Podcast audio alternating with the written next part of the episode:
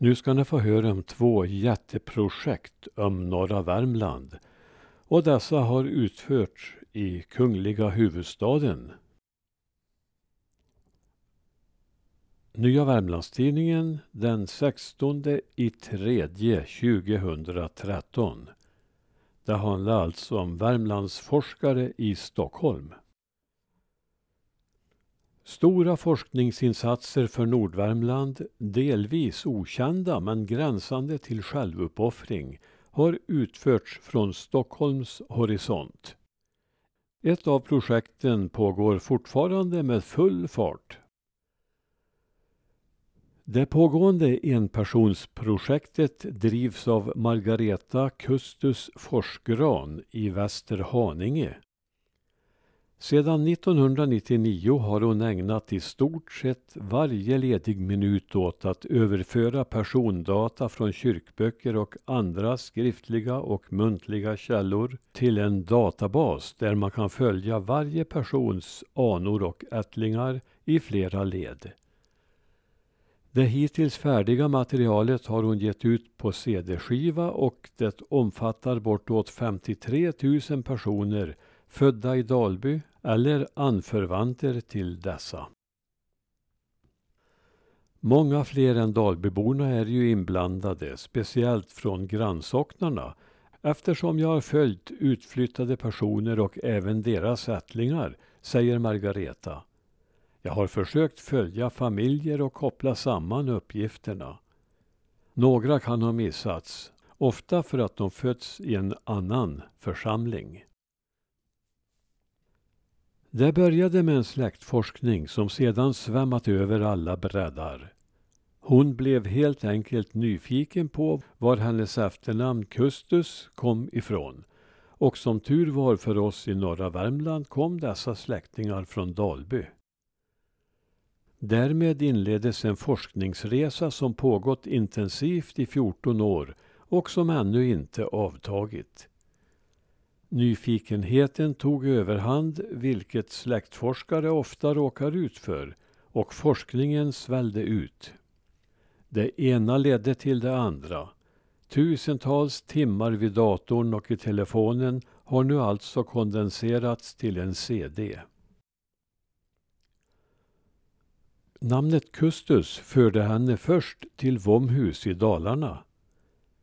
Det visade sig att hennes farmor Karin Backlund hade vandrat dit över skogen ända från Dalby för att tjäna piga där. Väl framme träffade hon sin kusin Olof Persson. De båda fattade tycke för varandra och gifte sig. Vid detta faktum kunde Margareta inte bara lägga av forskningen utan en frenetisk fortsättning följde och detta är vi många som fått glädje av. Kontakten med släktforskaren Anna Thorén på Brattmon har varit viktig. Samtalen med henne blev många och långa. Margareta arbetar fortsatt från sitt hem i Västerhaninge och har nu utvidgat forskningsområdet till att gälla dem som fötts i Dalbys grannsocknar. Hennes databas har svällt och har nu ett innehåll på närmare 200 000 personer. Jag jobbar nu mest med Södra Finnskoga och hoppas få en skiva klar därifrån. Sedan siktar jag på Norra Finnskoga och Norra Ny. Energin och nyfikenheten driver henne vidare till mångas nytta. Jag ger mig inte. Jag är tjurig, säger Margareta. Och så är det ju så kul.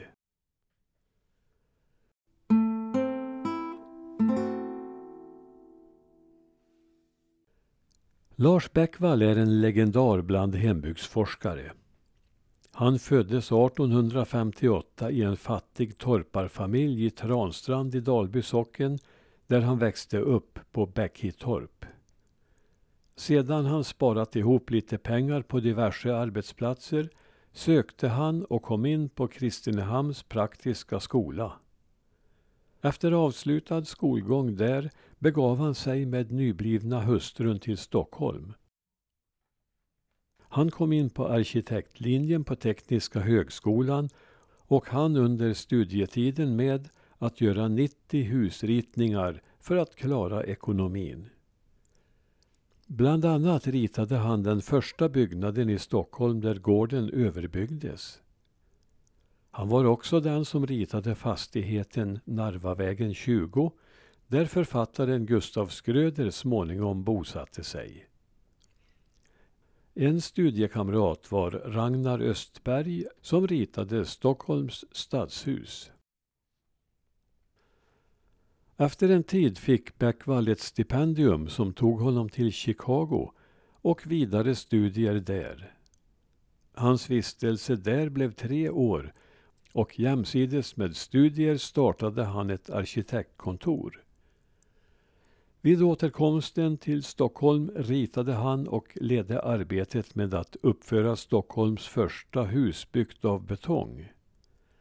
Den planerade återresan till USA blev inte av. 1906 till 13 var Bäckvall byggnadskontrollant för Stockholms stad, tidvis också för svenska staten. Han gjorde också fortsatt ritningar och blev ett aktat namn i arkitektkretsar. Så kom en vändning i hans liv.